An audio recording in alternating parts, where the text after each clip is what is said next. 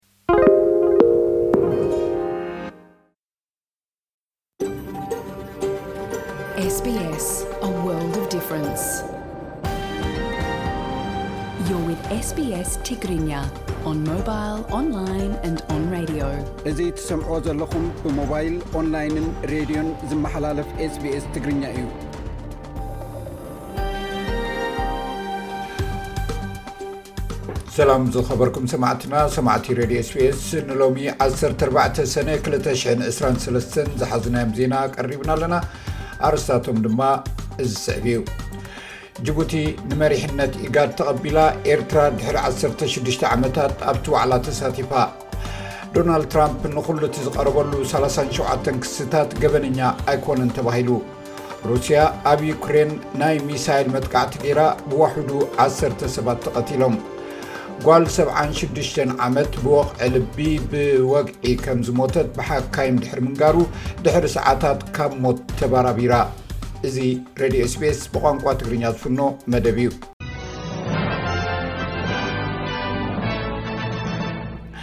ዶናልድ ትራምፕ ነቲ ኣብ ፍሎሪዳ ኣብ ዝርከብ ማር ኣ ሎጋ ዝርከብ ገዝኡ ምስጢራዊ ሰነዳት ወሲድካ ተባሂሉ ተኸሲሱ ንኹሉ እቲ ዝቐረበሉ ሰላሳን ሸውዓተን ክስታት ገበነኛ ኣይኮነን ተባሂሉ። ናይ ቀደም ናይ ዩናይትድ ስቴትስ ፕረዚደንት ነቲ ሰነዳት ናይ ምቕማጥን ናይ ምሕባእን ውዲት ናይ መጀመርያ ናይ ፈደራል ናይ ምፍራስ ስጉምቲ ካብ መንግስትን ናይ ገዛእ ርእሱ ናይ ሕጊ ጠበቓታትን ክስታት ቀሪብሉ እዩ ኣብ ቤት ፍርዲ ቀሪቡ። ኣብ መያሚ ኣብ ዝርከብ ናይ ፈደራል ቤት ፍርዲ ኣብ ዝቐረበሉ ብዙሓት ደገፍቱ ኣብቲ ግዳም ተኣኪቦም ደገፎም ገሊጾም። እቲ ናይ ቤት ፍርዲ መስርሕ ካብ ካሜራ ዝተሓብእን ዕጽውን እዩ ነይሩ። እቲ መስርሕ ንኽውዳእ ሓደ ዓመት ወይ ካብኡ ንላዕሊ ክኸውን ከም ዝኽእል እውን ክኢላታት ይዛረቡ።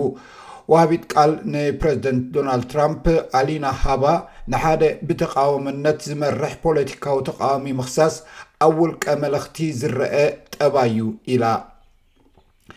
ሓደ ሓኪም፣ ሰብኣይን ሰበይትን ካብቶም ንመርዓ ተዓዲሞም ዝጓዓዙ ዝነበሩ ኣብ ኣውስትራልያ ዝኸበደ ሓደጋ ናይ ኣውቶቡስ ዝሞቱ፣ ካብቶም ዓሰርተ ዝሞቱ ሰባት ከም ዝነበሩ ተፈሊጡ።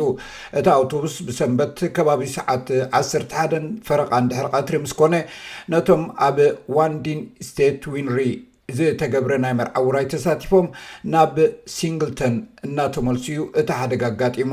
እቶም ኣጋይሽ ኣብ ሓደ መዓልቲ ካብ ናይ ሓጎስ ውራይ ናብ ከቢድ ሓዘን ዝወደቑ ካብ መልበርን ኩንስላንድ ባይሮን በይን ሲድንን እዮም ተጓዒዞም።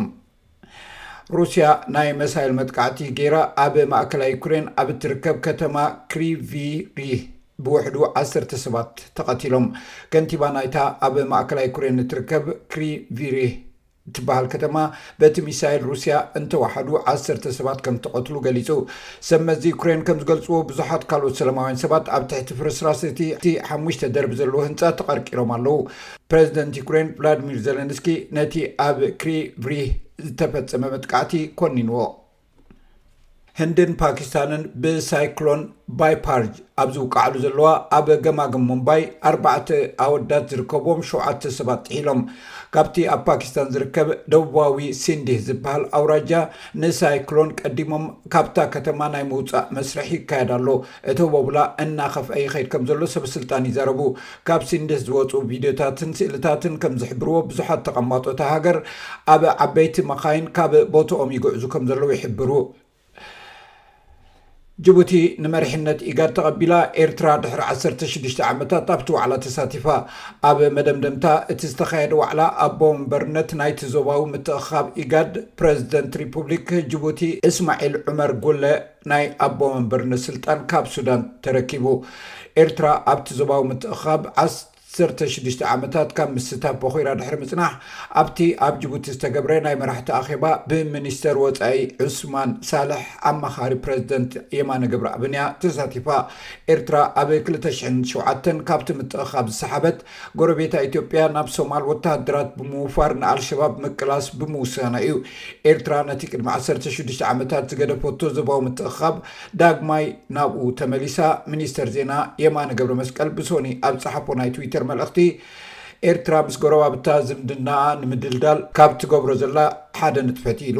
ሚኒስተር ሓበሬታ የማነ ገብረመስቀል ኣብ ትዊተሩ፣ ኤርትራ ኣብ ኢጋድ እትገብሮ ንጥፈታት ጀሚራ ኣላ። ኣብቲ ኣብ ጅቡቲ ዝተኻየደ መበል ዓሰርተ ኣርባዕተ ዋዕላ ድማ መንበራ ሒዛ ኣላ።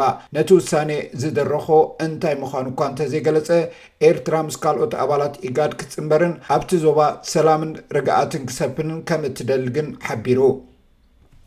ጓል ሰብዓን ሽዱሽተን ዓመት ቤላ ሞንቶያ ብወቕዒ ልቢ ወይ ስትሮክ ብወግዒ ከም ዝሞተት ብሓካይም ድሕሪ ምንጋሩ ድሕሪ ብዙሕ ሰዓታት ካብ ሞት ተባራቢራ ቤላ ሞንቶያ ምማታ ዝተረጋጊፁ ንሓሙሽተ ሰዓታት ኣብ ሳንዱቕ ሬሳ ዝፀንሐት ኮይና ሰባት ነቲ ሬሳ ክዳን ቀይሮም ሓመድ ድበ ከልብሱ እናተቓራረቡ እዩ ብሃንደበት ከም ዘተንፈሰት ኣስተብሂሎም። ብድሕሪዚ ናብ ሆስፒታል ተወሲዳ ኣብ ክፍሊ ጽዑቕ ክንክን ሕክምና ይግበረላ ኣሎ።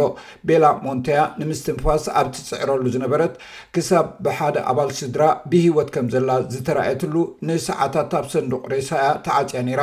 ሚኒስተር ጥዕና ኢኳዶር ነቲ ኩነታት ዝምርምር ኮሚቴ ኣቝሙ ኣሎ።